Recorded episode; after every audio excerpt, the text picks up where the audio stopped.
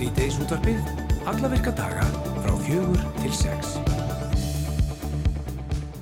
Og það eru Rafnildur Haldurstóttir og Guðrundís Emilstóttir sem að stýra þætti dagsins. Við ætlum að beina sjónum okkar að fjármálarleysi ungmenna. Uh, betra fjármálarleysi ungs fólks er sérstakta áherslumála vettvangi samtaka fjármálafyrirtækja en Heirún Jónsdóttir, framkvæmdastjóri SFF, segir að þekking á fjármálum sé mikilvæg undistæða þegar ungt fólk fyrir til lífið og til þáttöku í samfélagi sem verður sífælt flóknara. Hún vil sjá fjármálafræðslu sem skildunámi í grunnskóla til þess að jafna tækifæri ungs fólks.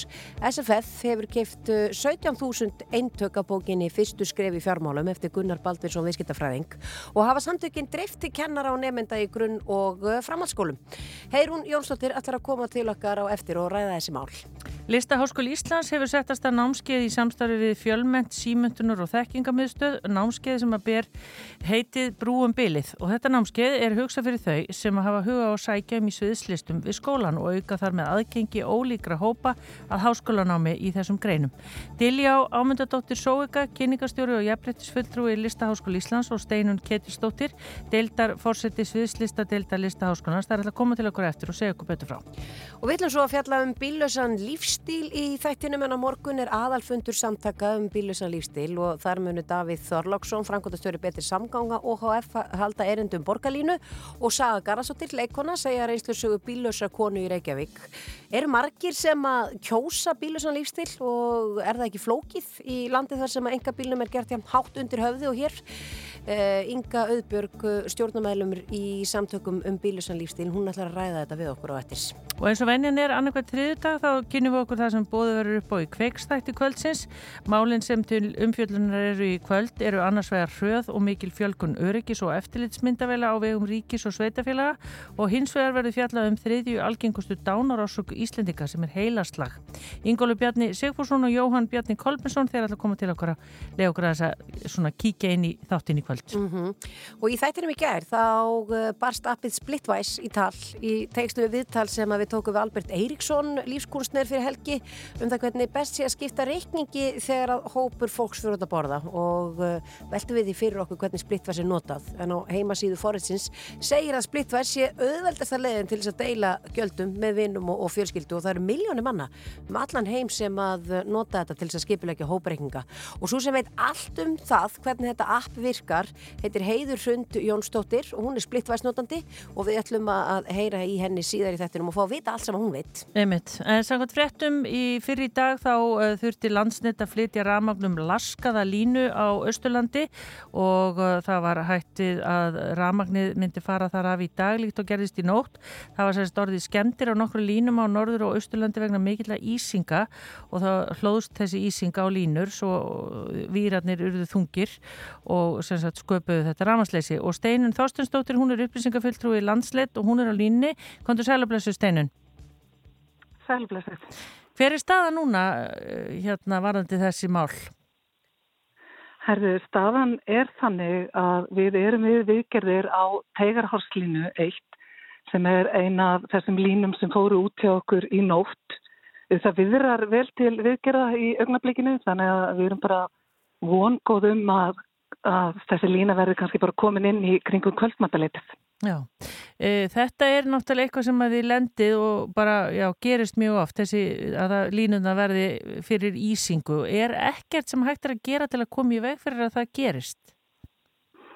Jú, það er nú þannig að þegar við eigum von á ísingarveðri eins og við fengum núnum helgina þá fer á stað undirbúningur hjá okkur. Við förum og skoðum þær línur sem mögulega eru útsettar fyrir ísingunni. Hörum og skoðum hvort við þurfum að brjóta af þeim eða hvort við getum eitthvað létt á. Svo við lendum ekki aðstæðum eins og þessum.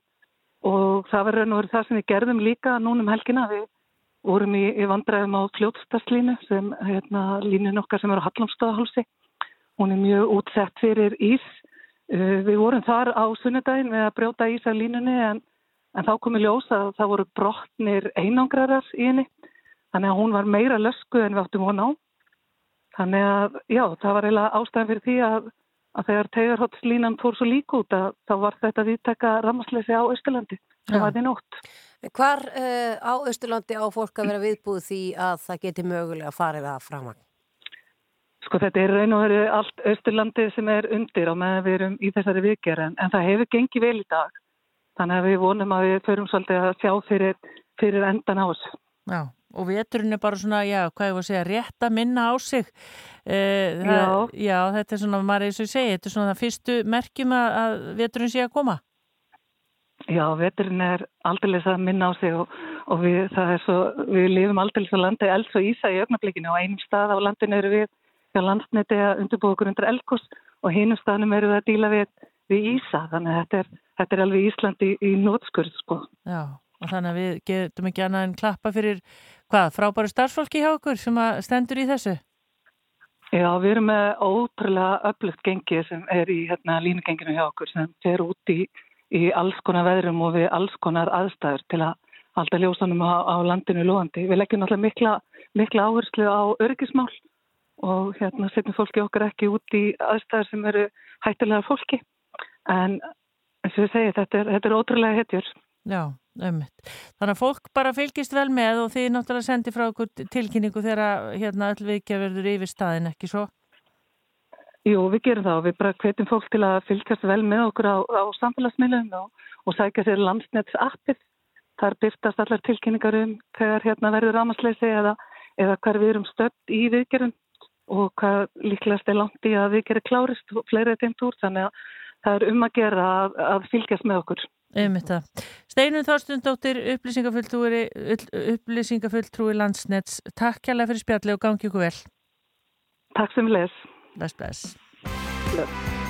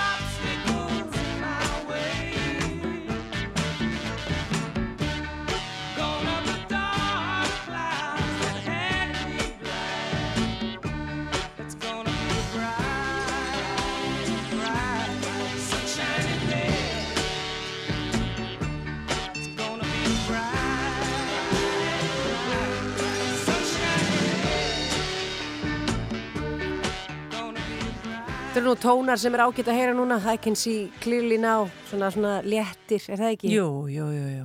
Þetta er allt gert þess að okkur liður bara betur. Já, við ætlum að fara að fjalla um bílusan lífstíl Já, það er hérna já, við svona, vorum að hugsa sko, hvaða samtökur þetta? Við höfum oft heyrt þetta samtökum bílusan lífstíl en sem sagt á morgun ætla þessi ágætu samtök að halda aðalfund og þar með meðan hans Davíð Þólarsson, frangatustjóri betri samgangna uh, halda erindum borgarlínu og Saga Garðars ætla að segja reynslu bílusar konu í Reykjavík því að sangat okkar upplýsingum þá hún genið með bílpróf. Nei, nei, nei, og, og ekkert eða tekur uh, strætó eða lappar. Já, og svona mín tilfinning, ég veit ekki hvort það er þín líka, er að þeir sem eru svona fjölmennasti kannski í þessum samtökum, nú bara segja þetta beint út í lofti, sé kannski þeir sem að búi í hundrað og einum. Já, svona ímynda sér það. Já, er það svona þín tilfinning? Ég, en er þetta, er þetta ekki alltaf erfitt að vera með bílisarlýstir svona í þessu landi þar sem að við einblýnum svona svakalega á engabíl? Já, það er spurt. Inga Öðbjörg er stjórnar meðlumur í þessum samtökum um bílisarn lífstíl. Hvað segir þú Inga? Er þetta Er það ekki bæði, er, er það erfitt að vera án bíls og líka er þetta aðalega fólk sem býr í 101? Já, uh, er erfitt að vera án bíls, sko, uh, það er þetta bara, getur oft verið flokkið að komast á milli staða en það er ekkit endilega erfiðar að gera það á bílinu svona hátt. Uh, ég er sjálf á, eða átti bíl, hún var reynda stólið í morgun en hann kemur kannski í leitinu vonandi. Hæ, sko, í morgun? Já, já eins og gengur. Þa, þannig að ég er ekstra bílaus í dag en ég minna aðalega fer ég um á hjóli alla daga og það er að mörguleiti miklu minna málheldur en að fara á bíl. Ég þarf aldrei að skafa ég þarf aldrei að sitja först í umför ég þeitist fram úr bílakæðjunum með strákin með mér. Þannig að ég get ekki sagt að, að það sé mitt brálaðslega erfitt. En auðvitað eru innviðnir á Íslandi skapaðir fyrir bíla og það þarf að laga þá Þannig að það séu auðveldar og betra og örugara fyrir okkur öll. Já. En ertu á neldum dekkjum þá? Því eins og í morgun, þá var komin ísing yfir og uh, ég veit um börn sem voru að detta á hjólum og svona, því það var ísing. Ertu... Já. Já. Já, ég er á sjálfsögðum á neldum dekkjum, fór mér þess að á eitthvað svona, eitthvað svona viðgerðar námskeið fyrir konur sem að reyðhjólabændur voru með um síðustu helgi og, og læraði að setja sjálf dekk undir, undir hjólið og, og, og setti neldu dekkin mín og þá líður mér nú eiginlega bara örgari sko ef eitthvað er af því að, að, að þú veist, þú þarft alltaf að lappa úr bíl þú þarft alltaf að lappa inn og, og um hérna í bílinn og það get, þú getur þóttið þá Já, en ég kemst eitthvað neginn kannski næstuði bara upp að, upp að dyrum já. á nöglanum sem eru bara mjög stöður En er ég að segja bara eitthvað bull og vittlisu að það sé aðalega fólk sem búi í 101 sem er í samtökunum eða hvað? Uh, það er nú alls konar fólk að alltaf tægi samtökunum. Stjórnin er vissulega kannski svona, já, mörguleiti festral, ekkert endilega 101 en, en vesturbænum og, og lögadal og hlýðar og svona en, en ég sé fullt af fólki á, á göngustífum og hjólastífum um allan bæ. Þegar, þegar ég hjóla á milli staða. En eru, og sko miðborgin er hérna, hún er alveg, það skemmtilegt að hjólumanna en það getur verið flókið, það er ekki mikið af, af sérgerðum hjólastígum fyrir hjólandi fólk. Nei, en það má finna í útkvarunum en er ekki þessi samtök þá vantarlega alltaf að stækka og vaksa því að nú eru komin ramagshjól og annað slíkt þannig að það er orðið já, hægt að vera kannski á hjóli þóttu búir í efri byggðum því þá hjálpa ramagnir þér. Já, já, það, ég held að sé fleira og fleira fólk að sjá ljósið og bara fleira og fleira fólk að fatta að við getum ekki haldið einhvern veginn svona áfram að það séu bara margi dagar á árið þar sem að leikskólabörn með ekki leika sér út í gardi að það er svo mikið mengun og svoleið, þá verðum við bara að finna aðra samgöngum á það og, og það er, getur verið ráma sjól fyrir mörgum og, og var algjörbylting í mínu lífi, einhvern veginn alltaf með mótvind, ferði aldrei upp í mótið, það er alltaf einhvern veginn einhver ítaðir en svo líka bara, þú veist, hoppjólinn og, og strætó, strætó er bara mjög fýtt þó að það sé mikið talaðu niður Mm sem samgöngutæki Já, og verður ennþá betra náttúrulega þegar það kemur borgarlína. einmitt. En, en hverja verður svona aðal áherslunar á morgun á þessum eh, hérna aðalfundi? Já, við ætlum náttúrulega þegar þú vart að segja á þenni kynningunni að hlýða hérna á kynningu frá uh, betri samgöngum um borgarlínuna og svo verður saga Garðars örugla mjög fyndin og skemmtileg. Ég get ekki ímynda með annað en að hennar bílösi lífstil sé bara mjög, mjög, mjög áhugaverður og hérna fyndin og svo bara svona hefðbundin aðal störfa kjósa í stjórn og, og ræða málinn. Og, og það, við erum alveg að leita fleiri fulltrúum í stjórn, þetta er hérna eins og þið segið, vaksandi hópur, hagsmunahópur. já, en er ekki bráluð eftirspunn eftir að vera í stjórninni? Ég held að kannski á Íslandi séu svona stjórnastöður oft bara almennt kannski ekki ásetnar í sjálfbúðanlega störfum. um, en það er búið að vera mikil stemning að mér skoðstu hjá okkur að, hérna, að hittast og, og, og ræða svona um þessi mála því að þetta brennur á fólki sem að gera þetta lífstilum sem alveg svo brennur á fólki sem að, sem að keirir að, hérna, hvernig umferðar innviðinir eru fyrir þeim sko, þannig að, já Já. Hvar hérna fyrir áhuga sama, hvar ætli að heitast? keks, kekshostel klukkan 5 á morgun og það er allt í lagi, það má koma þó maður eigi bíl. Já, Ég vil bara segja það. Þetta Ein- er fyrir fólk sem er áhuga samt um að, sko gera fleiri möguleika að raunverulegu möguleikum. Já, Það er allt í lagi, við ætlum ekkert að skamma neitt sem að mæta á bíl. já, og maður má alveg eiga þá bíl þótt maður sé í samtökunum en kannski bara nota hann einu sinni viku á meðan að maður er að, að, nota já, betri og vætni samgöngu uh, máta aðra daga. Já, ég meina, bílar eru frábært tæki að mörgu leiti og auðvitað hérna mörg sem að bara þurfa að nota hann, fólk sem er á mörg börn og þarf að skutla þeim á mismöndu staðu og allt, það er bara mjög skiljalegt en það er hægt að minka þetta, það er hægt að draga úr því hvað þetta tekur mikið yfir lífmanns og kannski losa sér við einn bíl, eh, þú veist, ef það eru fjölskyldur sem eiga fleiri neitt. Mm Gott og vel, við hvetjum þá sem er áhuga samir að kíkja nýra á keks á morgu klukka 5. Uh, takk kærlega fyrir að vera á línni hjá okkur Inga. Já, bara, við sjáumst, bye bye. Bye.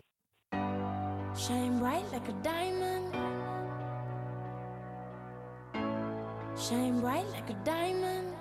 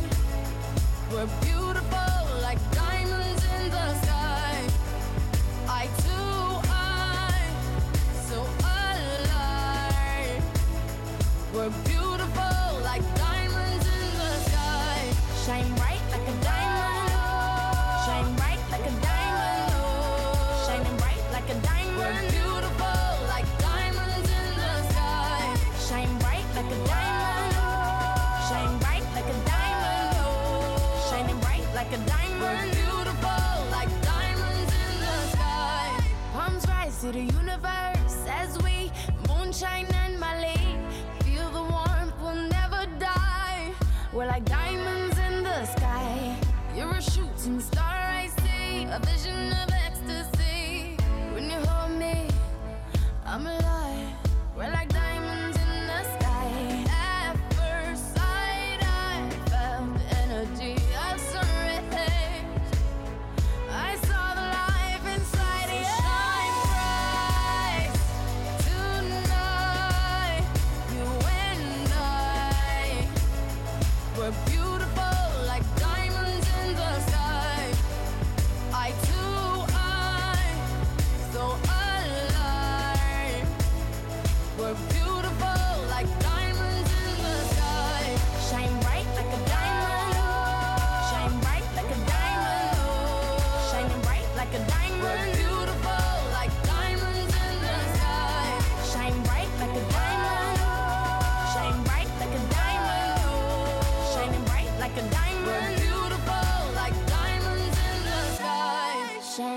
Like a diamond.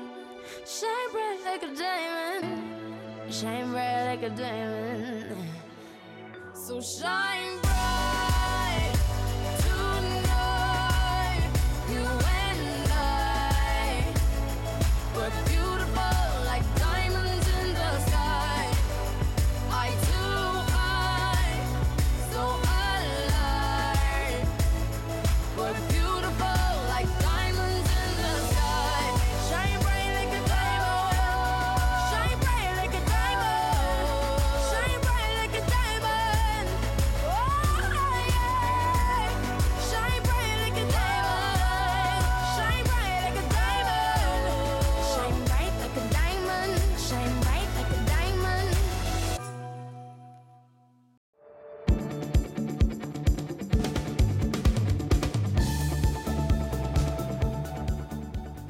Það er þriðudagur í dag og það sem meira er það er kveiks þriðudagur uh, og þeir eru komin einhver til okkar uh, Jóhann Bjarni Kolbensson og Ingól Bjarni Sigfússon til þess að segja okkur frá efni þáttarins í kvöld. Uh, það er annars vegar að ræða eftirlitsmyndavilar og hins vegar heila slag.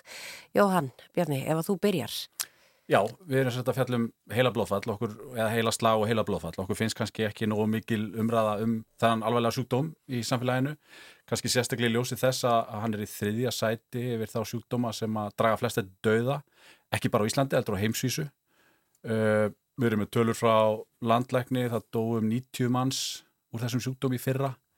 Alls um 600 sem fengu heila slag þannig að þetta er, þetta er bara þetta er ansið sláandi sko. Að vísu eru ekki inn í þessu, þessu tölur frá landlækni. Þetta eru nær bara til þeirra sem að deyja inn á spítölum. Þetta, þetta vantar upp á þetta þeir sem deyja heima á sér, sem eru náttúrulega mjög margir líka. Mm -hmm. Það er eins og þú segir, það er ekki mikið rætt um þennan, uh, þennan sjúkdóm, má ekki kalla það það? eða hvað Jú, er þetta, þetta er vist flokka sem sjúkdómur. Nei, það er kannski, og kannski fókus heilbyrðiskerfisins kannski ekki næjanlega mikill á, á þennan sjúkdóm með við krabbaminn og, og hjartasjúkdóma sem eru náttúrulega mjög alvarlega líka og það svona kemur fram gaggrinni í þættinum frá sérstaklega viðmannand okkar sem að fekk sjálfur heilasla og, og svona fannst hann ekki upplifa nógu góða þjónustu þegar hann fekk heilasla, hann heitir Sindri Mór Fimboðsson og við kannski bara heyrum aðeins í honum hljóðið hvernig hann lýsir þessu, hann var að koma frá útlöndum þegar hann fekk heilaslæðið og skulum aðeins heyra hvernig hann lýsir þessu Og svo lendum við í Keflavík og þá sem sagt labba ég bara út úr vélni, allt eðlilegt og svo bara í gönginni hann að þá fæ ég svakalegt ískur í hægra eirað og svona finna ég er alveg, þetta er alveg niður. Ég reyni þá að labba og þá er ég ekki meira eitt jættvæði og bara eins og ég sé í rauninni bara svo ölvaður. Einmitt og það sem að Sindri gaggrínir meðal annars er að, að það er engin slagdeild á landsbítalanum sérstök sem að kannski er nöðsilegt í ljósi þess að það fánast í tveir á dag heilaslag hérna á Íslandi. Það er svona slagdeild á, á spítulum viða í nágrunlöndunum. Þannig að það er þetta ákall um það og svo er ekki búið einlega sérstakka áætlun, ekki byrjaðinu sinni sem að miðara því á Európavísu að, að komi vekk fyrir heilaslag, forvarnir og svo betri eftirfylgni. Ísland er ekki svona byrjað á þessu en, en það eru löndi í, í kringum okkur sem eru búin að þessu. Þannig að það er margt sem að betum að fara. Já, og svo er farið þarna aðeins yfir svona einkenni, er það ekki, sem fólk getur haft?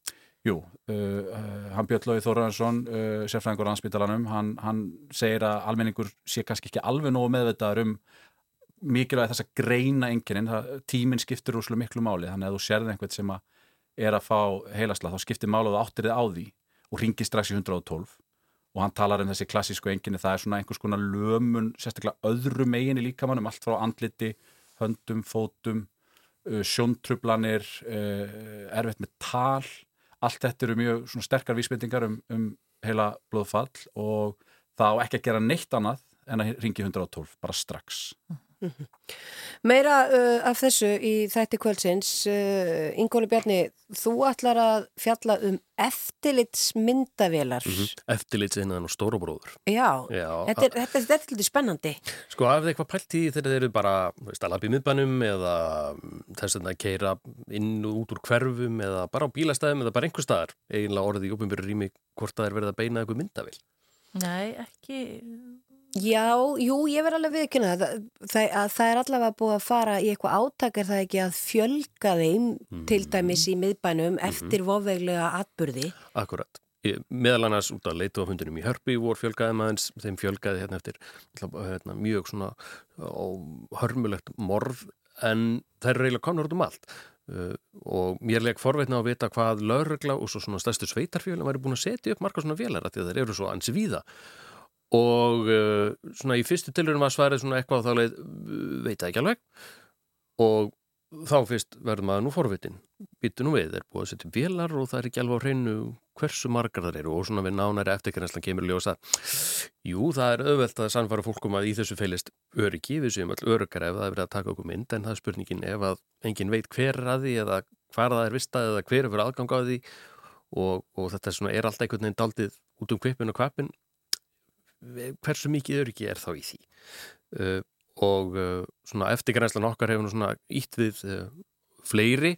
Meðal annars var kynnti Reykjavík og borgi síðustu viku svona ein úttækt á stöðun hjá sér og þar var svona niðurstaðan daldið já, veist, það er alls konar búin að gera einhvern veginn. Stundum er það lægi og stundum er það ekki en svona heilt yfir persónuvend og netöryggi og þetta er allt einhvern veginn bara ekki eins og það ætti að vera. Mm. þannig að þannig erum við svona að skoða og auðvitað er svona undirlikjandi þessi spurning ok, öryggi uh, versus frelsism, kannski svona einhver svona heimsbyggileg umræðin ánast, en mm -hmm. auðvitað er alveg að segja að eftir því sem að það er fylst nánar með okkur og hérna á vinnustanum okkar eru við alltaf að býpa okkur inn um allar dyr til þess að tryggja öryggi og hvenar er þetta, hvað er líka mörgin, hvað, hvað er eiginlega bara orðið mikið, hvenar er verið að snutta aðeins og mikið og ný og ný hálsmálið á okkur til þess að það setja að segja, já þetta tryggir öryggi. Já, ég menna, eru eftirlismyndavilar bara í pínuleitlum bæjum. Já.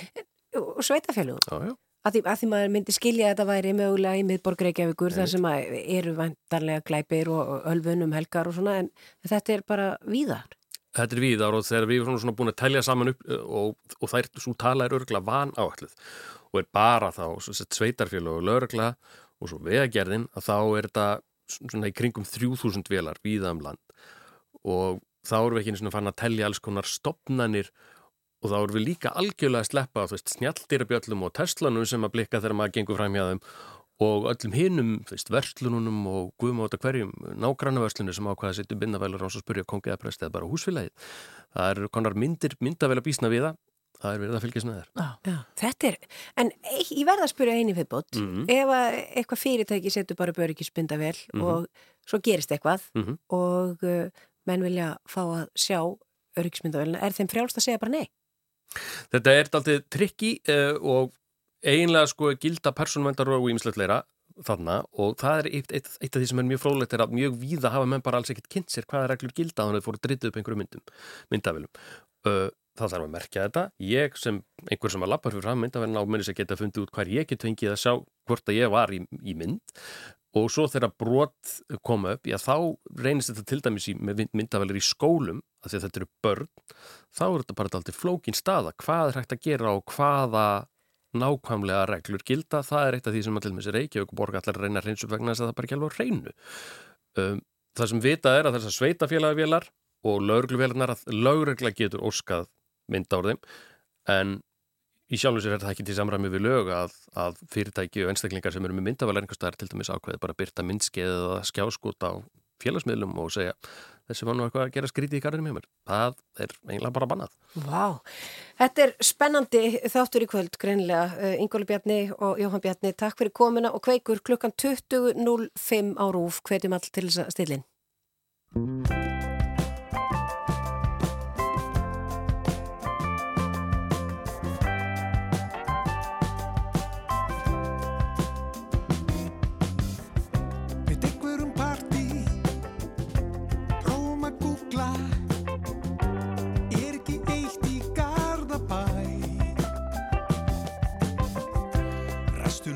Ræstu nú drösluna Við hljótum að finna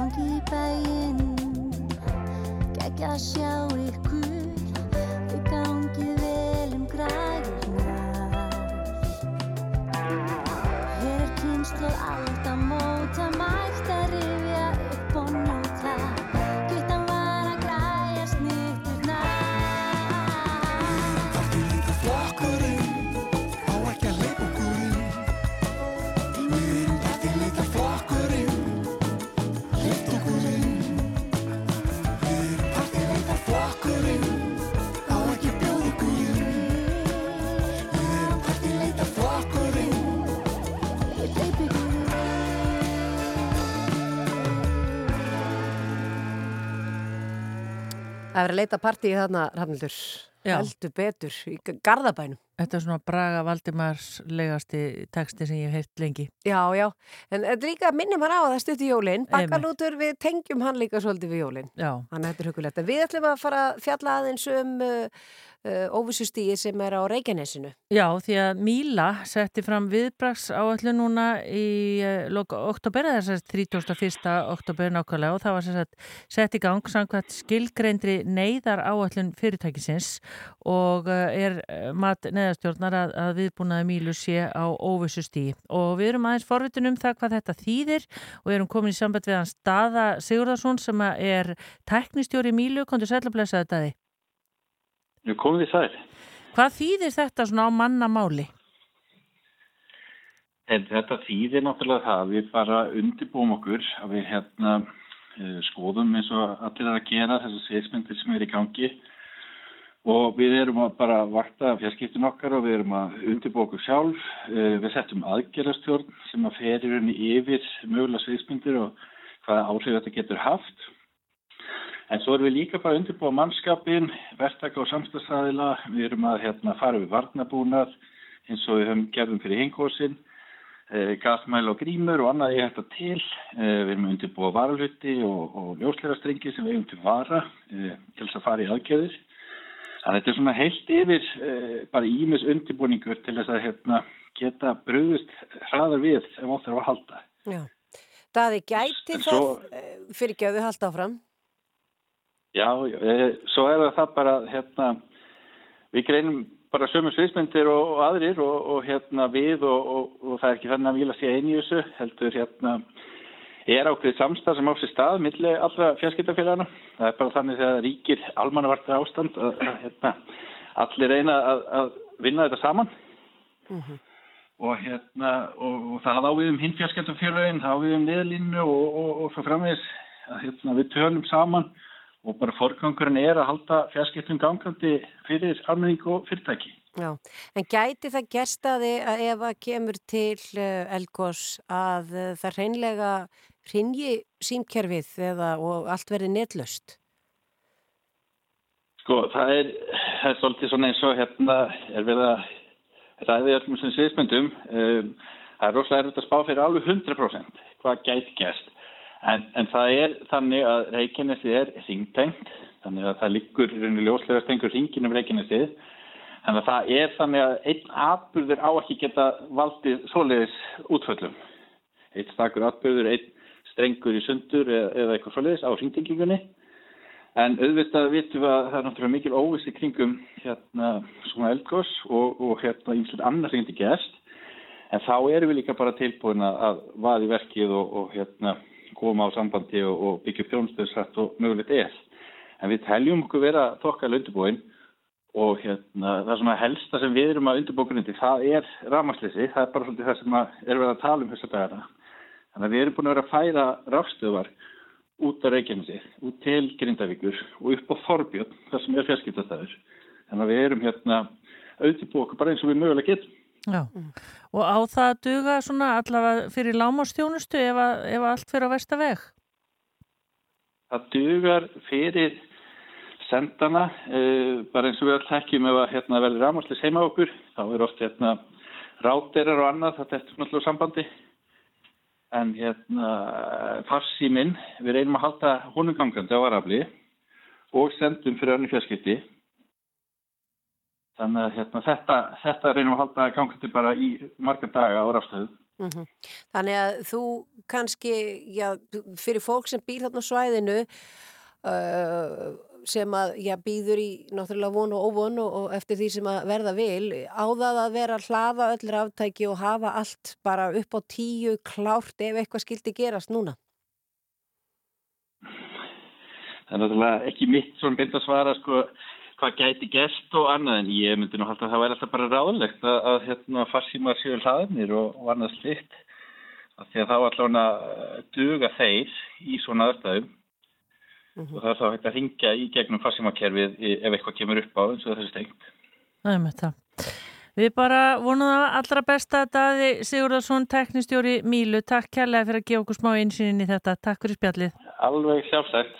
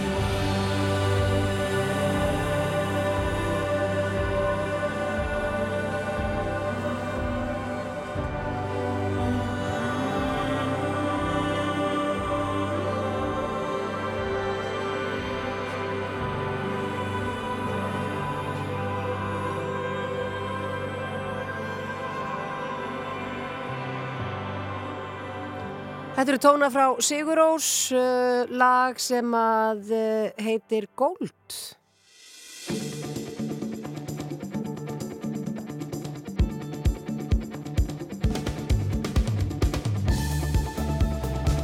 Það er eitt og annað í, í fréttum hér, Rafnildur. Já, uh, bæði tengist þetta, við segja, snjó. Uh, fyrri fréttin er það að það er verið að leita íspjarnar. Uh, fengum þetta sendt hérna frá góðkunningi að síðdeis út af sinns, sáum þetta svo að vísi, vísbendingar um íspjarn á langjökli og uh, það er sem sagt uh, lauruglan á Vesturlandi og landtíðskeslan er að leita nú mögulegs íspjarnar á langjökli og þetta staðfesti Kristján Ingi Kristjánsson sem er yfirlauruglu þjóttjón lauruglan á Vesturlandi. Og þeir telli þetta nú harla ólíklegt að þetta geti verið satt en þó er þeir að leita af sér allan grunn þarna. Já, já. Að við fylgjum nú með hér í sítiðsúttorfnu hinn snjófréttin er svo að það er varað við snjóflóðahættu í Hlíðarfjall á Akureyri og getur varað næstu daga. Svæðið hefur ekki verið opnað formlega en það er allt orðið alkvítt og það er þekkt að fólk íðki þegar vetrar íþróttir utan opnum tíma en það þarf að fara þarna varlega því það er bara mikil snjóflóðahætta og uh, þetta er í, á öllum uh, viðhorfum um allt svæði hlýðafjalls. Þannig að alls ekki verið að stelast í fjallið okkur núna. Nei, og ekki á fjallaskeiði. Við ætlum einmitt að ringja norður á eftir. Við ætlum að ringja norður strax að loknum fimm fréttum því að eh, eins og fram hefur komið eh, þá er Ásmundur Einar Daðarsson, menta og barnamarra á þeirra hættur við að sameina framhaldsskóla í Bili. Þetta kom fram á alþingi í dag í sérstakri umræðu um sameiningu framhaldsskóla. Eh, og það átti að eh, sameina átta yfir í fjóra og meðal annars voru það mentaskólinn á Akureyri og verkmentaskólinn á Akureyri og það, það voru mjög skipta skoðanir um hvort að svo sammenning ætti að fara fram. Þannig að við ætlum að heyri Karli Frímansinni, hann er skólameistari Akureyri og fá hans viðbröð við þessum fréttum hér strax á okkur fimm fréttum. Já, við ætlum líka að tala um fjármálalæsi ungmenna og það er hérna Heiðrún Jónsdóttir sem ætlar að koma til okkar en hún hefur svona Já, tjáðsvið um það að hún vilji bara þetta sé bara miklu öflugra uh, kennsluefni í, í grunn og hún heldur en nú er.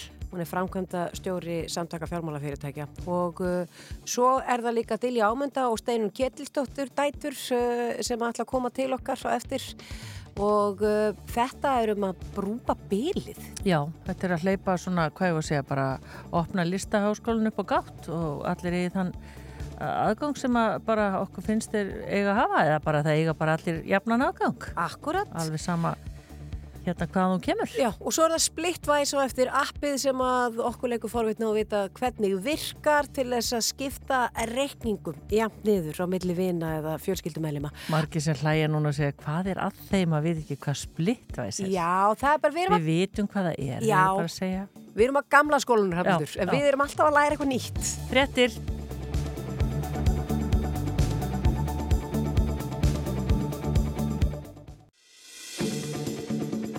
Þú ert að hlusta á síðdeis útvarpið á Rástvöð. Höldum áfram á fullri ferð hér í síðdeis útvarpinu og það er margt framöndan hjá okkur en við ætlum að byrja á, eh, hvað ég voru að segja, ákvörðun ásmundar Einars uh, varðandi framhaldsskóluna. Já, eins og kom fram hérna í fréttum og við vorum að ræða um líka aðan, þá hefur hann látið af áformum um að samina átta framhaldsskóla í fjóra og þetta saðan í sérstakri umræðu um þetta mál á alþingi fyrir dag og uh, það hafði verið fyrirhugað að skoða saminningu á verkmyndaskólanum á Akureyri og mentaskólanum á Akureyri og það var mikið hýtamál róðat að segja það uh, hér fyrir nokkur síðan og við erum komið með Karl Frímansson uh, skólameistara mentaskólas á Akureyri og línuna, kontur sæll og blessaðu Karl og sæl. Uh, Í þessi ákvörðun ásmundar uh, kemur hún á óvart? Nei, hún kemur í, ekki óvart, eh, ekki eh, í mínum huga. Hann hins vegar orðaði þetta svona frekar óljóst fannst mér í dag því að hann var nú spurður að því sérstaklega í umræðinu hvort hann geti ekki svaraði þessu með beinum hætti. En hann hefur svona, hann segir bara í dag að hann hafi ítt áformum til hliðar meðan annað er skoðað. Þannig að, að hérna, ég lít nú þannig á að hann eigi eftir að svara okkur með beinum hætti. Hann hefur ekki haft samband við okkur síðan 18. september. Já, Þannig að þetta er eiginlega það fyrsta sem við höfum heyrt úr hans munni að höfum framaldi. Já, en hvernig líður þeir með þessa fréttir og er þeir létt? sko þetta skiptur okkur kannski ekki öllu máli því að hafaríð sem var hérna á, á sínu tíma eða fyrir stuttu það var alveg ljóst þá að það þyrsti að endur skoða þessa áallanir hans og ég allavega tólka þetta þá þannig að það eru ekkit af þessum áformum Þannig að við erum bara á okkar vegferðum að efla skólahaldið og efla skólastarfi í metaskólanum og við þurfum ekki heimildir áferða til þess. Nei, en væntalega ef að þessi áform ekkert neginn, já, þau, þau muni halda áfram, uh, það verði hugsað um þetta í framtíðinni, þá þyrti að minnstakosti að hafa miklu lengri fyrirvara á. Já, önnu vinnubröð, það var, það var eiginlega hægt við ferli sem búið var að stilla upp, þannig að, að það var nú eiginlega það sem gerðist á, á sínum tíma. Þannig að við þurfum eiginlega ef, ef á að halda þessu áfram því að það getur alveg verið að það sé hagur begja skóla í því að vinna meira saman. Þá verðum við bara að fá okkar tíma til að skoða það. Mm -hmm. En svona starfsfólkið af því það var nú talað um að já, þegar að frétti voru að berast af þessu sínum tíma það erði mögulega einhverjum stöðugildum fækkað og svo framvegist þannig að hvernig, hvernig metruð bara í að stemninguna og andan hann að fyrir norðan bæði hjá íbúum sem að þetta var mikið hittamál hjá og svo kannski hjá starfsfólki sem að ég var í pínu lausi lofti.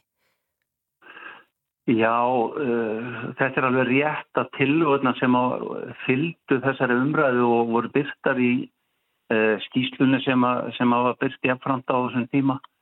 Uh, það er geng út á það að það var rétt að spara yfir eða rétt um kannski 400 miljónur á ári í rekstri þessar að tvekja skóla.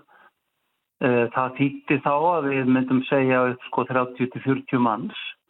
Það gefur nú auðvitað leið að það er ekki góðsvitt og ekki vanlegt til árangus að fara inn í samanninga viðraðar með það fyrir augum en það kom svo í ljós að það var í raun og veru bara rángar forsendur frá upphafi sem voru gefnar í því.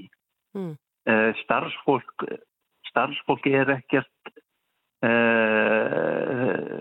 það, það er ekkert sem hefur raska ró starfsfólks í þessu því að þetta fór eiginlega aldrei inn á þann stað að, að það veri verið að taka einhver ákvarðanir. Nei. Uh, Karl Frímansson, bara takk fyrir að vera á línunni hjá okkur og uh, segja okkur frá svona, já, þínu fyrstu viðbröðum við þessum uh, fréttum en þú ert að frétta þetta sem sagt bara á alþingi í dag en hefur ekki teirt síðan hvað 18. september. Nei, það er, það er nokkala þannig, en við höldum bara ótrúð áfram og við erum bara mjög bjassin með okkar, okkar skóla og skólastafn, þannig að Þannig að það er engan bilbú okkur að finna. Mm. Uh, bara takk kærlega fyrir og gangi ykkur vel. Takk kærlega, sömulegis.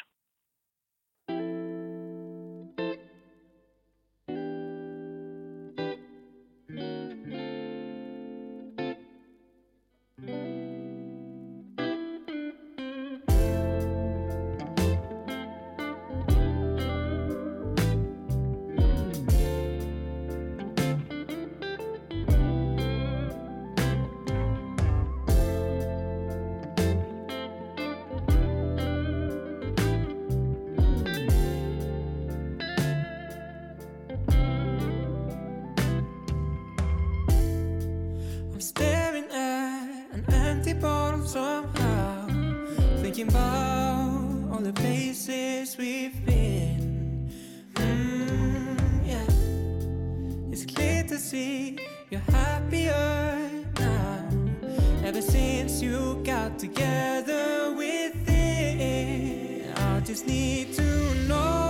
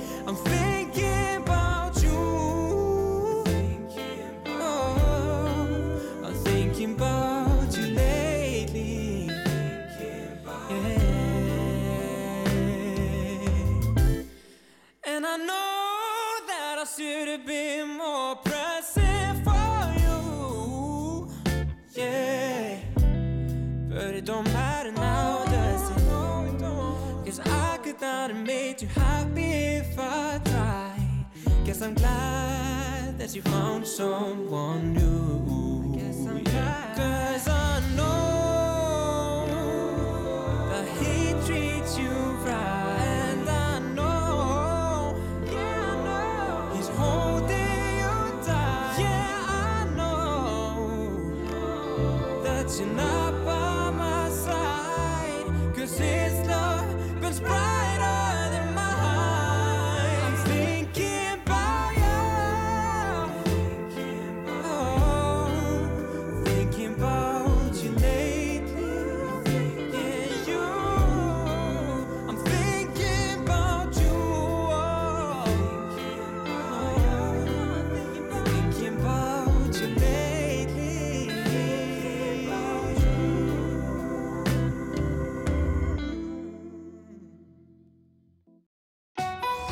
Rástvö Með á nótunum í 40 ár. Listaháskóli Íslands uh, kynni með stolti í samstarfi við fjölment, uh, símentunar og þekkingarmiðstöð, námskeiðið brúum bilið uh, fyrir þau sem hafa huga á að sækja um leikaranám í skólan. Og hingað til okkar eru komnar þær Dilja Ámundadóttir Sóega, kynningarstjóri og jafnbrettisfulltrúi Listaháskóla Íslands og Steinun Ketisdóttir, deildar fósetti Sviðslistadeildar Listaháskóla Íslands. Velkomnar. Vekkir. Já, eigum við að fara eins í forsöguna á brúum bilið. Hvað eru við að tala um hérna? Já, þetta er námskeið sem kemur til um, svona smá forsa þessu mitt. Uh, fyrir ári síðan þá hérna, st var stofnar hópur í Svisslisteilt sem að vinnuhópur í kringum bara innkildingu inn í Svisslisteilt og sá hópur var stofnar í kjölfar þess að var uh, gaggrinni sem byrtist um leikverkið hérna, sem á himni í þjóðlíkusinu og í kjölfar þess var haldið málþing og miklar umræðir sköpust bara í sviðslista samfélaginu um bara byrtingamind í, hérna, á sviði og hérna ég að setja hópa og yngildingu og hérna þessi umræðir rata sjálfsögin í sviðsdeildina og, og þá stopnuðu þennan hóp og þennan hóp skipuðu ég sjálf og Nína Hjálmarsdóttir sem er lektor um, við sviðsdeild og Anna-Maria Tómasdóttir. Og við eittum í raun og veru sagt, uh, vor missurum bara í það að fara í mjög djúb samtöl við uh, einstaklinga úr ólíkum hópum í samfélaginu og einbettungur að því að hlusta vel. Og, og svo í kjölfar þess, í kjölfar öllum samtölum að þá hérna mynduðum við svona ákveðna stefnum þar sem við, á skref sem við myndum taka og eitt af þessu var þetta námskeið svona til þess að brúa bylið Uh, fyrir þá sem hafi ekki upplýjað að þeir hafi átt aðgengi að námi í sviðslistum á háskólisti. Þannig að þetta kemur svona til út af þessu. Já. Vildi þú kannski bæta einhverju við? Nei og í rauninni hérna uh, er í, í, í framhald af þessu er líka sem sagt bara svona heildstæði stefnumótun að vinna í listaháskólanum í gangi bara okkur þessa dagana og ný stefnum tekur gildi uh, upp á áramótum og hérna og við erum að sjá bara í, í, í þeirri vinnu að þetta er bara að verða svona, einn aðal áherslan. Það er þessi, þessi þetta ákallum inngildingu og fjölbreytni og jafnbreiði.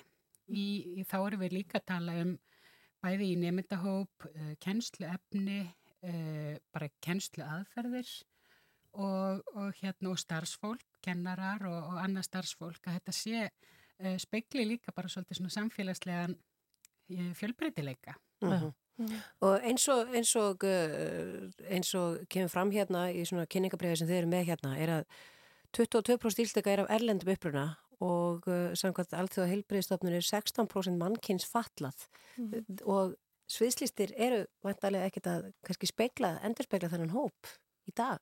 Nei, alls ekki. Og hérna við viljum breyta því. Við viljum að sé aðeins fjölbyrtari hópur sem að útskrifast frá okkur og séu hérna stíja svið, hérna, séu sínileg í þessari, þessari listgrein. Já. og það er bara ekkert leindamála, það er ekkert þannig og það hefur ekkert verið þannig. En við þurfum að taka skrefin í áttina því að breyta þessu, þessari, þessari, þessum hópi. Og það náttúrulega gerist ekkert eitthvað einu degi eða einu ári, þetta mun taka tíma en kannski það sem okkur langar til þess að gera núna er að fá líka bara fjölbreytur hóp umsækjanda að því ég held að fyrir marga er það kannski stærsta hindrunin er að sko halda að þú hafir ekki aðgengi af því að veist, það er engar fyrirmyndir um, það er ekki margir sem hafa útskrifast uh, úr námi í sviðslistum sem að ekki marg, uh, margir sem eru fatlaðir eða þú veist Eða bara að- frá listaháskólanum Já, yfir höfuð. eða bara frá listaháskólanum yfir höfuð sko. þannig að Mhm. hérna þe- þessi námskeið, brúum bili við vorum að klára núna námskeið fyrir leikarnámið og framöndan er nám, námskeið fyrir þá sem við hafa huga og sækjum í, í samtíma dansnámið og þetta er hugsa sem bara svona skref í því að, að aðstofa fólk við það að taka skrefið að sækja um. Já. og hérna bara hugsa sig inn í þessa framtíð einhvern veginn, bara sjá það fyrir sér þú getur átt möguleika á því að vera, fara í dansnám jáfnvel þú sért í hjólstól eða glýmur við eitthvað skonar Við sáum það nú á síðustu grímuverlunum að uh, einn ein tilnefning var uh, hérna í, da- í flokknum Dansari ársins var til Emblu sem að notar hjólastól. Þetta er, þetta er allt saman partur af því að geta verið svona einmitt fyrirmynd fyrir aðra sem að, þú veist, ég segi snundum if you can see it, you can be it, Mhm. sem að sá er svona frægi, að þú eigir hann einhverja fyrirmyndir Já. og hérna, við, við, veist, við erum náttúrulega búin að vera bara á síðustu árum að sjá svona leiðréttingar varandi mitt kyn, hvenna til dæmis í, í, í, í bara eins og í tónlist, tónlistaflutningi það gerðist uh, bara, var eitthvað sprengja í, umsóknum frá konum, sérstaklega í Sello þegar Hildur Guðnardóttir vann Óskarsvelunin hérna fyrir nokkrum árum Uh, þetta allt er orðið ofbóðslega mikilvægt og, og, hérna, og það er bara einmitt í hlutverki okkar sem erum í svona ákverðinatökum og, og svona mótandi einhverjum hérna aðgerðum inn í, inn í Listaháskóla Íslands er, a, er að búa til farveg fyrir akkurat þetta.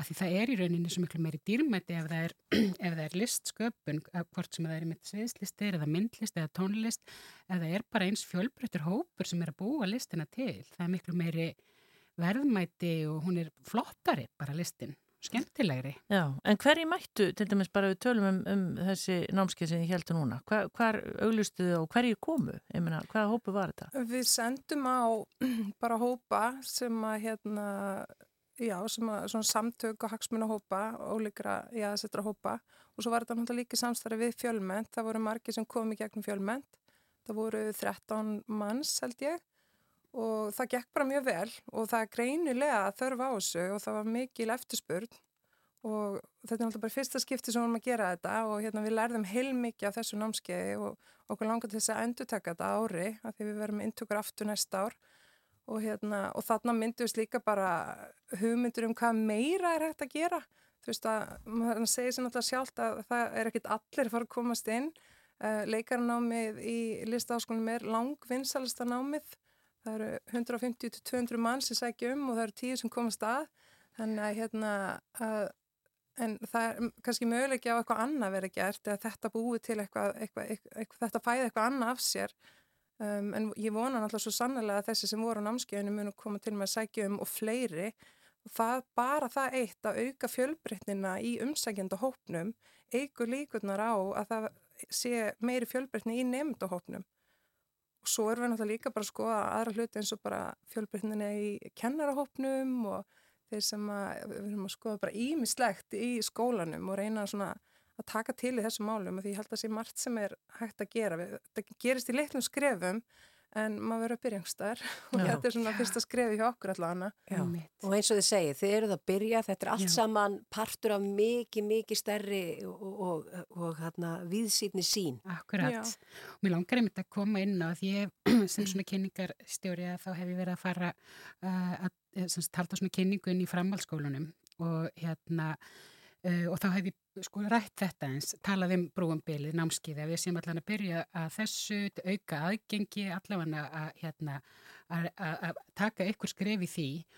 Og það er svo gaman að sjá hvað þeim finnst þetta ótrúlega bara, þú veist, loksins og tímapært og þau sjá bara tækifæri þessu að vera jafnvel í einhverju heilbreyðri og svona fjölbreyttari samkeppni og, og sjá líka bara tækifæri mögulega í ákverju mismunum ef þess þarf. Eh, hverju sinni sem sagt. Þeim finnst þetta svo, þessi kynsluð, svona hérna, þeir sem eru eh, á framhaldsskóla aldri og, og, og neðar og svona, þau eru, þau, eru svo, þau fæðist bara einhvern veginn rétt sýtni. þau eru ekki að flækja þetta svona mikið fyrir sér eins og við. Við erum oft bara, svona er þetta og svona hefur þetta nú alltaf verið og, og, og hérna, og það býður einhvern veginn líka okkur sem erum að, að vinna í þessu eins og inn í listaháskóla, bara einhvern veginn gefur okkur einhvern veginn svona byr að, að hérna sjá að svona framtíðar nefndur mögulegir eru bara til í þetta og krefjast þess basically, sko. Við erum með hérna skóli án að, aðgreiningar en svo hefur það bara einhvern veginn svolítið stoppað. Mm -hmm. Það hefur stundum bara verið hérna svolítið í orði en kannski ekki eins mikið á borði. Þannig að hérna, ég hugsa að það fyrir við kannski aðeins að, já, endur hugsa þá já. svona hérna hugmyndafræði. Já. Og svo er við líka alltaf fyrir okkur lengur og lengur í áttin að sko einstaklingsmiðara námi og þá í raun og veru ef maður hugsaða þannig að þá ættu, ættu maður að geta þú veist, niði nám að bara mjög ólíkum einstaklingum saman hverjar þarfinnar eru uh Mhm. -huh. en, hérna, en maður finnur, ég tek algjörlega undir þetta sem Dilja var að tala um með að bara nemyndunir okkar í dag inn í Svíslandsdeil þeir, þeir, þeir eru svo meðvitu um akkurat þetta og þau eru líka að kalla eftir þessu. Og vorum til dæmis bara í stefnumótuna að vinna fyrir listaháskólan allan í þar sístu viku. Og þar heyrðum við bara greinlega í nefndum að þetta, þau eru að hugsa um þetta þau eru að hugsa um þessi mál og í rauninni öllum starfsmannahópnum, það er bara þetta var einn aðal samhljómurinn og bara rauði þráðurinn í gegnum allt allar þessar áherslur er bara þú veist, við viljum hérna, fjölbreytni hvort sem við notum það orð eða, eða engildingu eða hvað þetta er uh, vegurinn sem við erum að fara að ganga og að þessari eins og þú talar um þessari sín, þessari mm -hmm einmitt, bara þessari litríku sín. Mér finnst þú eiginlega að vorða þetta best. If you can see it, you can be it. Og ég held einmitt að unga fólki okkar, það bara, það hugsa þetta bara þannig. Mm -hmm. Akkurat. En fyrir þá sem vilja kynna sér þetta betur, það er semst eitt námskeið eftir, er það ekki núna? Jú, Jú núna fyrir áramót, þá verðum við með námskeið uh, fyrir intökur á, í samtímadansnámið, það verður núna í lók nógumber og svo verðum við með námskeið fyrir sviðsjöndanámið uh, vantala í februar-mars. Já. Um, það ætti verið hægt að finna einhverju upplýsingar á heimasíðu skólans. Listaháskóli Íslands. Já. Mjög gott, Dilja Ámundóttir Sóega, kynningarstjóri og jafnbrettisfulltrúi Listaháskóli Íslands og Steinun Ketilsóttir Deildar, fósettis viðslista Deildar Listaháskóli Íslands. Bara til lukku með þetta og við lökkum til þess að fylgjast með. Takk, kærlega. Takkir. Someone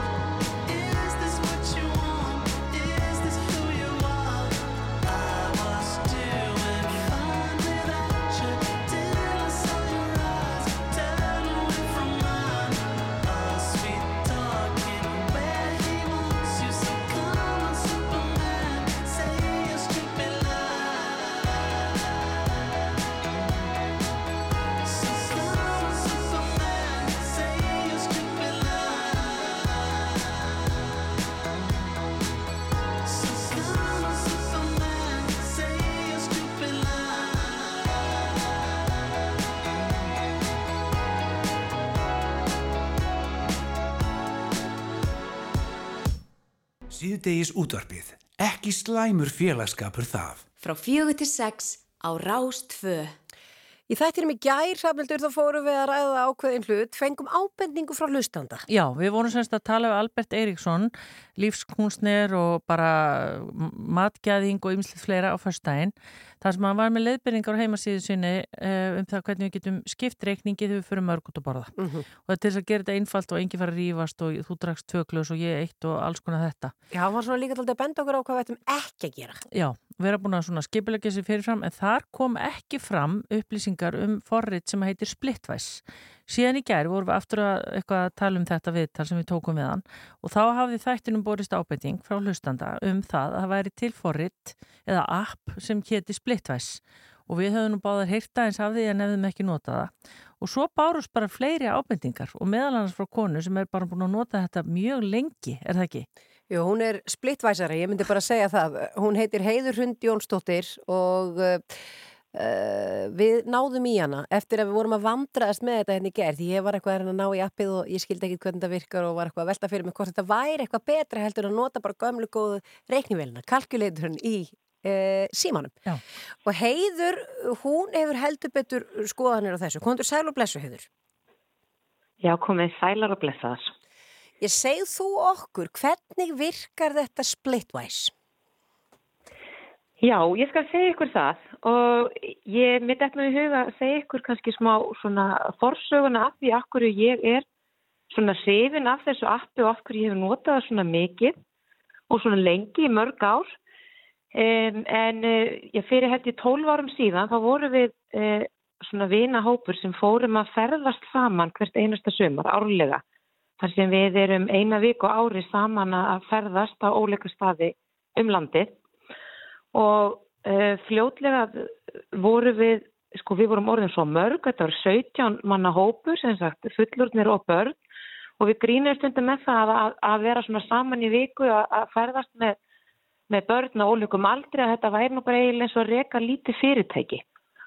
Og uh, svona, með tíð og tíma þá svona fórum við að besta það hvernig er að vera svona mörg saman að ferðast og hvernig er þetta er nú hægt að láta þetta allt ganga sem best og þar kemur splittvæs svo stertinn um, vegna þess að uh, það einfaldað okkur öll útgjöld og útrekninga og útlegan kostnað á meðal þeirra sem voru í hópnum. Og þá er þetta bara gert þannig að hvert og eitt okkar er með þetta app í símanum. Um, og sá eða svo sem leggur svo út fyrir einhver, einhver sá um það að, að borga leigu á sumabústað sem við vorum í og, og, og svo er einhver sem tók að þess að fara að versla í matinn og svo kannski fara á veitingastað og einhver borgaði pitsunar og njalla krakkan og svo framvegis og það okkar sem lagði út í hvert skipti setti bara þær upplýsingar inn í appið og svo þurfti enginn að hugsa neitt meira um það. Þannig að við fórum kannski 17 út að borða og og einhver bara tók að sér að taka reikningin í, í það og það skiptið og svo þegar þessu ferðarlega okkar var lokið eftir, eftir viku að þá hjálpar splittvæs okkur að gera upp ferðina og sínir okkur uh, einföldustu leiðinu við að gera hana upp. Og, og reiknar fyrir okkur að nú er að þessi sem skuldar þessum svo sem ekki pening og svo framvegs og þetta bara léttir svo mikið á öllum þessum útrenningum og pælingum og, og, og allir vilja vera vissir um að vera nokkið að snuða einhvern eða skulda einhverjum og, og þetta höfum við bara notað í mörg mörg ár og ég hef náttúrulega yfirfært þetta yfir á alla aðra hópa sem ég mögulega kem nála, hvort sem það er sumabústaði ferð með vinkonahópi eða hvað það er og breyði bóð Nei, nei, nei, það slitnaði hérna Rafnildur. Nú, hörru, ég skal tala bara, við erum að tala hérna við konu sem er sérfræðingur í splittvæs og einhverja hlutavegna þá splittvæsaðist línan hjá okkur við veitum ekkit hvað gerðist, við pröfum bara að ringi hann aftur, við veitum hvort við náum ekki hana. Hún heitir Heiður Hrund Jónsdóttir Já. og er sem búin nota þetta eins og fullastum við náðan mörg ár, miklu lengur heldur við heldum þetta bara væri búið að vera til. Já, og líka að teka fram, ég, hún á enga hagsmun að gæta Nei. við splittvæs. Hún er ekki kostuð í þetta viðtal. Nei, nei, hún er bara splittvæs aðdáðandi. Það er bara þannig. Þetta er bara frosi hjá mér að bí. Já, ég kemur sér ekkert aftur upp. Nei. Lendi þessum daginn líka. Voru við Kristján hérna í hörgu viðtali. og þá, uh, byrju, Nú er ég að prófa þetta einu sinni. Já, myndur þú segja að þetta væri svona, nú er tæknin eitthvað að stríða okkur? Já, þetta er nákvæmlega þannig, en heldur ég sé ekki aftur komið hérna inn. Ó, já, já. Byttu, byttu, byttu. Nú er ég bara sláinn símanúmerið. Þetta er ekki jafn einfalt og þetta lítur út fyrir að vera. Nei. Þetta er ekki bara svona gamall sími. En hún var nefnilega, hún var langt komið með þetta hún heiður en við áttum samt eftir að sko og ég ætla bara, ég ætlaði nú að gera í gæra að setja þetta í síma minn en það er að fara að gerast bara núna. Þannig að, Ég þarf að spyrja hans en eini viðbót þegar ég næ henni inn. Hérna er hún, heiður. Já. Fröys bara tölvan hérna og eitthvað ruggli á okkur í, í, í stúdíun. Já, ég held að það hefði bara verið skellt á mig. Nei, alls ekki. En það sem að mér langaði að forvitnast um, við, við komum því nú að þú átt einhverja hagsmenn að gæta varandi splittvæst, þú ert bara áttaði á þessu og ert búin að nota þetta mikið.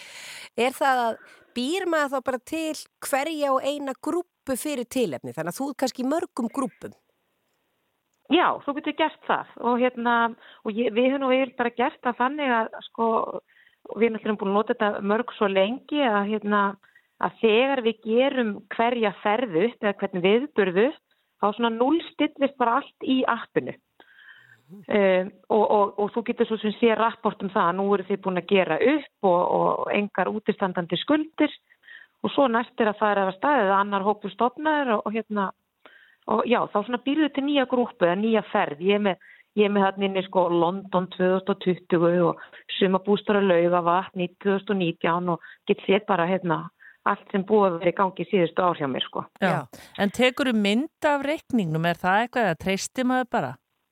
Nei, nei, ég hef nú ekki verið að gera það sko. Nei. Þetta er nú hérna, nei, þetta er nú bara fullkomið trausteldi sem ríkir á milli þeirra sem ég hef verið að nota splitt og þess með og, og hérna, og nei, nei, við höfum ekki gert það, en við höfum svona haft þá, já, ég var að segja reglu bara um leið og þú leggur út, þá bara ferðu beintin í appu og gengur frá þessu og það tekur bara örfa og sekundur en leið og byrjuð að nota þetta app, þá tekur það en, enga stund sko Og- og, og- þannig ertu, veistu að það er allt svona að það er ekkert sem er úti standandi og sem þarf að vera að redda eftir á. Og velur þar þá uh, gjaldmiðil, því maður kannski notar efrur á einu stað og, og dala á öðrum? Akkurat, já, og þú getur gert það.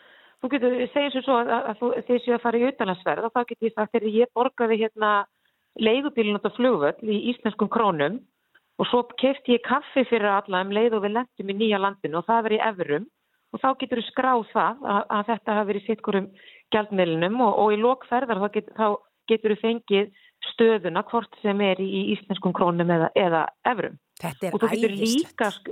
þetta er algjör snild sko, og, og svo segjum svo svo að þú sést kannski í fjölmönnum hópi, já, er bara fjóra, fimm, sex manna hópi og, og hérna, og, og þetta stundum er að þannig í ferðinni að það er ekki allir að taka þátt í því sama, að þá getur þú líka bara haka við, er ég borgaði hérna eh, svo og svo mikið á barnum, en hérna Gústi og Jói voru ekki með, þannig að þetta bara, að, bara deilis á hina. Þeir fyrir ekki taka þátt í þessum kostnaði og þannig að þetta, þetta er allt reikna fyrir mann, fyrir mann líka. Og þannig ertu búin að leysa það sem Albert var að tala um að það er nefnilega ekki smart að láta þá sem drekk ekki taka þátt í því að borga áfengið.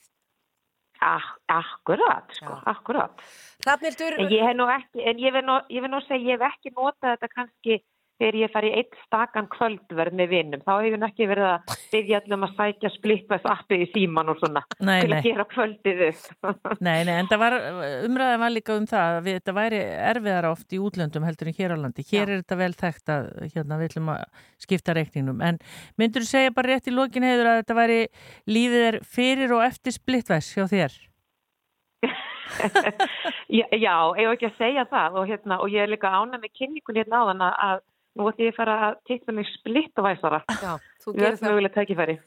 Já. Þetta er frábært. Vi, við Hrafnildur eru komin í nútíman núna. Já. Við þökkum þér heiður hrund kærlega fyrir að spjalla við okkur. Takk fyrir. Takk, takk. Bless, bless. Þetta er svakaldabi. Get ekki tala við þig, ég er að setja henni splittvæs. Þú ert að setja þetta bara upp. Við skulum hlusta á eitt lag með uh, Harry Styles. Þegar það er búið, þá ætlum við að fara að tala um fjármálalæsi sem ennú þessu tengt. Bara mjög tengt. Já. Og íspjörnin er allavega ekki fundin. Nei, er, er þetta íspjörn? Ja, nei, það verður ekki komið meira fram en það er allavega ekki komið tilkynning.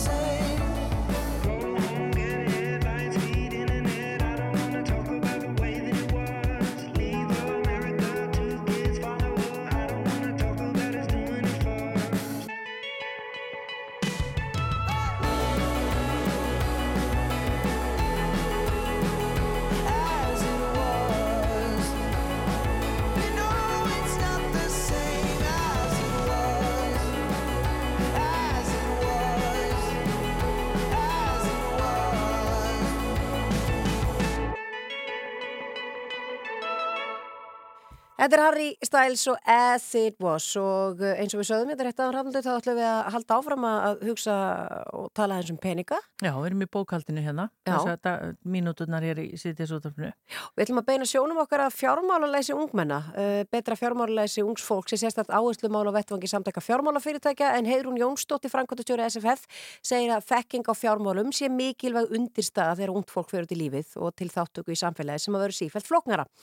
og uh, Heiðrún vill uh, sjá fjármálafræðslu sem skilduna í grunnskólum til þess að jafna tækifæri ungs fólks og SFF hefur keift 17.000 eintök af bókinni Fyrstu skrefi fjármálum eftir Gunnar uh, Baldvinsson, viðskiptafræðing og hafa samtökinn dreifti kennara og nefnda í grunn- og framhaldsskólum. Og heyrún er hinga komin, komdu sæl og blessuð. Já, takk og takk fyrir að bjóða mér. Uh, þetta er sem sagt ekki skildu nám í grunnskóla. Heyrðu, nei, það er í aðanámskrá, þá er víða minnst á fjármálalæsi en þetta svona er eh, svona víða, þetta er ekki, það sem við viljum sjá, við viljum hafa þetta skildufag og líka þetta sé svona heilstæft og uh, bara með heildrænum hætti. Við höfum aðeins áhyggjur af því að það staðabarna sé ekki jöfn þegar kemur að þessu og okkur finnst uh, bara rétt með sama hætti að við leipum börnunum okkar ekki út í umferðina nema við kunni umferðarreglur. Þá viljum við sjá að öll börn fari, verði kunni grundallaratriði í fjármálalæsi áður en fara úr grunnskólan. Mér finnst það bara nánast vera skilda. Og þarna, e, það sem þarna, við þekkjum þarna, öll þessar mikla samfélagsbreytingar sem hafa orðið. Það er svo mikil hrað í öllu. Við fullandu fólki hefum ofti fyllt í fangi með að fylgja því eftir. Og, þarna, og hvað þá börnin, við fóreldrar vitum ekkit endilega alltaf hvað börnin okkar er að gera inn í herbyggi, eru með í tölvunni sinni, jafnvel með kreditkorti í einhverjum tölvuleikjum. Og við þekkjum það alveg öll að hvað getur verið erfitt að vinna sig úr vandræðum. Með segjum við fullandfólki, við þarna, förum freistum til þess að, að, að fá okkur yfirdrátt til að fara í sumafrí, að taka smálán eða eitthvað slíkt sem kannski virkar frekar sak, sakliðslegt í byrjun en getur svo verið erfitt að vinna svo út. Mm. Og hvað þá fyrir sér börn í dag, e, eins og segja það er, er miklar breytingur og mikil pressa á þau að það, e, já, það er afar mikilvægt að, að jafna stöðu þeirra og það eins og þú varst að spyrja hvort það verið skilda. Við vitum til þess að þetta er skilda í sömum skólum. Mm -hmm. Og við höfum ekki áhyggjur af þeim skólum þar sem þetta er kent, að, þeim nefndum í þeim skólum þar sem þetta er kent með heildrænum og samrændum hætti. Í öðrum skólum er þetta valfag og við hefum frétta því að það sumbött fá ekki eins og tækifæri til þess að fari það val, jafnvel hóttir eini. Og svo óttumst við og hefum svo raukstundangur unnu það að e, í öðrum skólum sé þetta kent með mismöndu hætti og kannski ekki nægjalega skilgreynd en auðvitað höfum við ekkert aðgang inn í alla skólastofur eða slíkt sko en, en svona þetta er aðeins byggt á svona þeim upplýsingum sem við höfum eftir kannanir og slíkt. Þannig að það ertu þá að meina að þetta sé jafnvel bara kent sem hluti af eða eitthvað stöðar inn í öðru fæi eitthvað pínu lítið? Já, það sem bara sem dæmi við gerum könnum, uh, sendum á 60 skóla við 170, 45 svöru, þar var þetta stundum kent í starffræði og stundum í samfélagsfræði, aðri skóla svöruð ekki og bara sem dæmi það sem okkur finnst afa merkilegt að árið 2021 á gerði maskina könnum fyrir okkur uh, meðal átján til, uh, fólks með átján til 30 ára og 90% af því fólki hefði vilja að fá meiri kennslu fjármálalæsi. Og ég heyri yðurlega bara í fullorðin fólki þar sem það tala um það að það hefði verið aðna, óskandi að það hefði verið kent meira í fjármálæsi. Já, og það er rauninni stór fyrðulegt að sé ekki fyrir löngu bara orðin skildi að læra þetta en þú talaðir að náðanum sko bara eins og smálán eða við tökum kannski einhverja áhættur og svona en þetta er líka bara bara af því, ég menna, það eru mjög margir bara með lán, bara húsnæðislán og svona, að við skiljum bara yfir höfuð þetta kerfi allt saman. Ég held að sé mikilvægt bara uh, fyrir ungd fólk það, eins og hvað þurfa börn að kunna og það er náttúrulega ímislegt bara eins og lesur launaseðlunum sínum. Er verið að greiða rétt, rétt laun? Uh, hvað er þessi skattur eiginlega og hérna einhver lífir sem verður að draga á þessum börnum og þau skilja þetta ekki nákvæmlega eðlilega? Og bara eins og grundvallar atri hversin ætti ég að spara, hversin ætti ég að reyna að borga niður alltaf skuldir, reyna skuldsita með eins lítið og ég get hvað er verðbólga, hvað, hvað áhrif hefur hún? Þetta er ótal margt og þetta að, skiptir svo miklu máli þegar ungt fólk er að byggja upp heilbriðan uh, fjárhag. Já. og eins og enn og aftur bara ef fólk byrjar að mistiða sig þá getur verið mjög erfitt að komast út úr því. Og svo er þetta hugtök sem að dinja á væntarlega börnum og úlingum eins og okkur hinnum allan daginn í fjölmjölum og öðru. Já, bara svo verðtrygging. Fullar fólk er að spyrja mann ofta hvað er, hvað er verðtrygging. En svo hefur hef líka ég verið að spyrja að byrja akkur að vera kent í skólum, akkur er ekki bara kent heima. Ég man ekki eftir að hafa en að lert mikið um fjármála læsi í gamla dag, vakstareikningum ætti kannski fallaðan undir. En það er bara þannig að þó ég ætti lífið að leysa geti ég ekki kent börnunum mínu neitt um listgreinar og en ég geti kent þeim fjármálæsi. Ég á bara vinkonu sem geti ekki kent sínum börnum eitthvað um fjármálæsi. Staða þessara batna er með ólíkum hætti og ég jöfnum þess stöðu svona uh, batna með svona ólíkan bakgrunn ekki með öðrum hætti en að gera þetta skildu. Ástafan fyrir því að við erum vekja sérstaklega aðtikla á þessu núna er að það er verið að endurskoða aðalnámskrán grunnskólana og hún er endurskoðað tíu ára fresti. Og, etna, og til þess að jafna og við hefum sérstaklega áhugju náttúrulega börnum með veikari bakgrunn. Og, etna, e, og þess vegna viljum við e, og óskum þess bara til þess að jafna stöðu allar barna og þetta verður að gera skildu og þetta verður kent sem með heildarum hætti að það er ljóskvað að kenna og, já, og, heil, heil, og bara svona skilgröndum hætti. En verður þetta ekki þá bara sko fyrir mig sem var nú í máladeild og þekki mjög lítið til dæmis verður þetta ekki erfiðasta, erfiðasta greinin í skólanu sem kent er og erfiðt próf? Uh, nei, alls ekki. Svo er það náttúrulega líka bara hvar áhugast við aðna, kennara til dæmis aðna, liggur. Ég bara skil það mæta vel að það er alls ekkert allir kennar sem hafa áhuga fjármálum.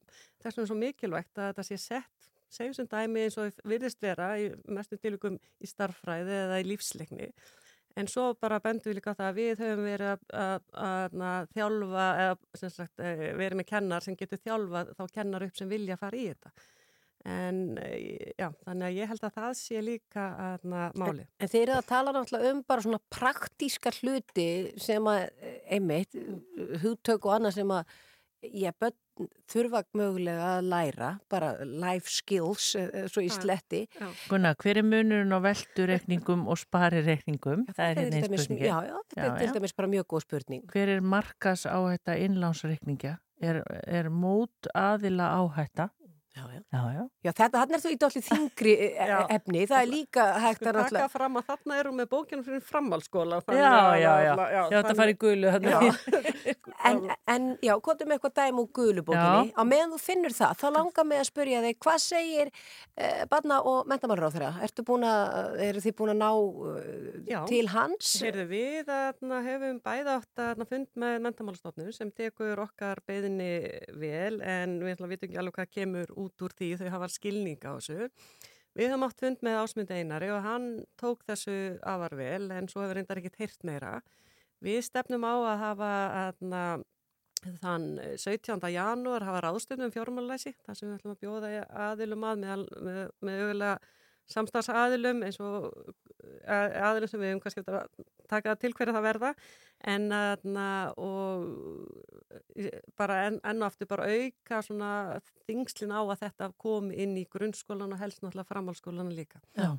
En fyrir þá sem vilja ná sér þessar bækur, þær eru náttúrulega bara til, en hvaða aldur særu að fái bækurna núna? Uh, Guðlabókan er, er í grunnskólan og Já. þetta er það svolítið bara eftir kennurum og við komum til skólastjórnendum að, undir þeim komið hvað er gert eins og enn og aftur við hefum gefið 17.000 bækur til kennara og nefnda en, en við fyrum ekki sjálf í skólana, þetta er bara þeirra beðinu og þeirra forsendum Mhm. og sama hátt þá erum við að aðstóða við að þjálfa það kennar sem þess óska og etna, þannig að það er alveg mismönd í hvaða hana bekkjum þetta er kent. Ég myndi halda þetta að vera svona 8. 9. 10. bekk, þetta er svona kannski aðeins mismunandi. Gagnfræðaskólinn, já. Já, já, og svo er það fram að þingri bókin, þessi bláa, aðna, sem er kent í, aðna, í, í mentaskólum. Já. Gunnar, viltu spurningu? Já, konta með eina. Já, ekki, ég ætla ekki svarinni samt, ég ætla ekki, kannski muni standa á Hvað gati. er persónuafsláttur og hvað þýðir að eiga ónýttan persónuafslátt? Já, þetta er til dæmis bara mjög góð spurning. Ég Já. gæti svarað henn en ég ætla ekki að fara að útskýra það fyrir, fyrir fólki. Hún er í gulubókinni. Hún er í gulubókinni. Já. Og þetta er eitthvað sem að einmitt krakkar þurfa að fara að borga skatta á okkunum aldri, þannig að þau þurfa að vita þetta. Mhm. Því allt í einu kemur skatturinn og þau skil ekki neitt. Og finnst þetta náttúrulega að þeim versta svífið Já. að borga skatt. Hver Það- tók þetta af launum mínum? En mér langar aðeins að koma hérna inn í að þetta þarf ekki alltaf að vera leiðilegt. Sko, við hérna, höfum verið að standa fyrir fjármálaleikum líka og bara síðast ári þá voru 1500 nefnendur í 42 grunnskólum sem tóku þátt. En grunnskólinn er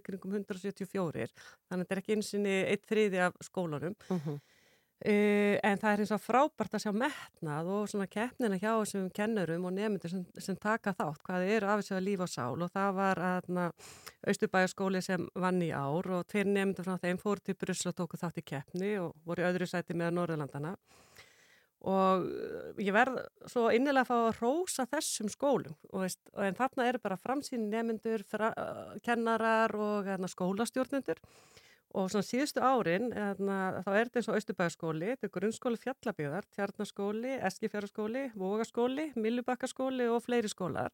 Þannig að þarna, þetta eru margir skólar sem eru að gera mjög goða hluti en við höfum áhyggjur af þeim skólum sem eru ekki svona vel sínilegir í þessu. Já. Eða rétt að sagt af, þeim börnum en auðvitað eru kennarar hérna, og hérna, skólastjórnendur eru með mismöndi áherslur og við erum ekkert að setja þess alls út af það en við viljum gerðnan sjá fjármálalæsi ofar og sem skildufag. Já. Þið viljið sjá þetta í aðnámskrá og viljið hvetja þá skólastjórnundur og kennar til þess að taka þetta upp hjá sér. Heirún Jónsdóttir, uh, takk kærlega fyrir að koma til okkar, Frankastjóri samtaka fjármálafyrirtækja og, og bara gangi ykkur vel með þetta. Kæra þakkir.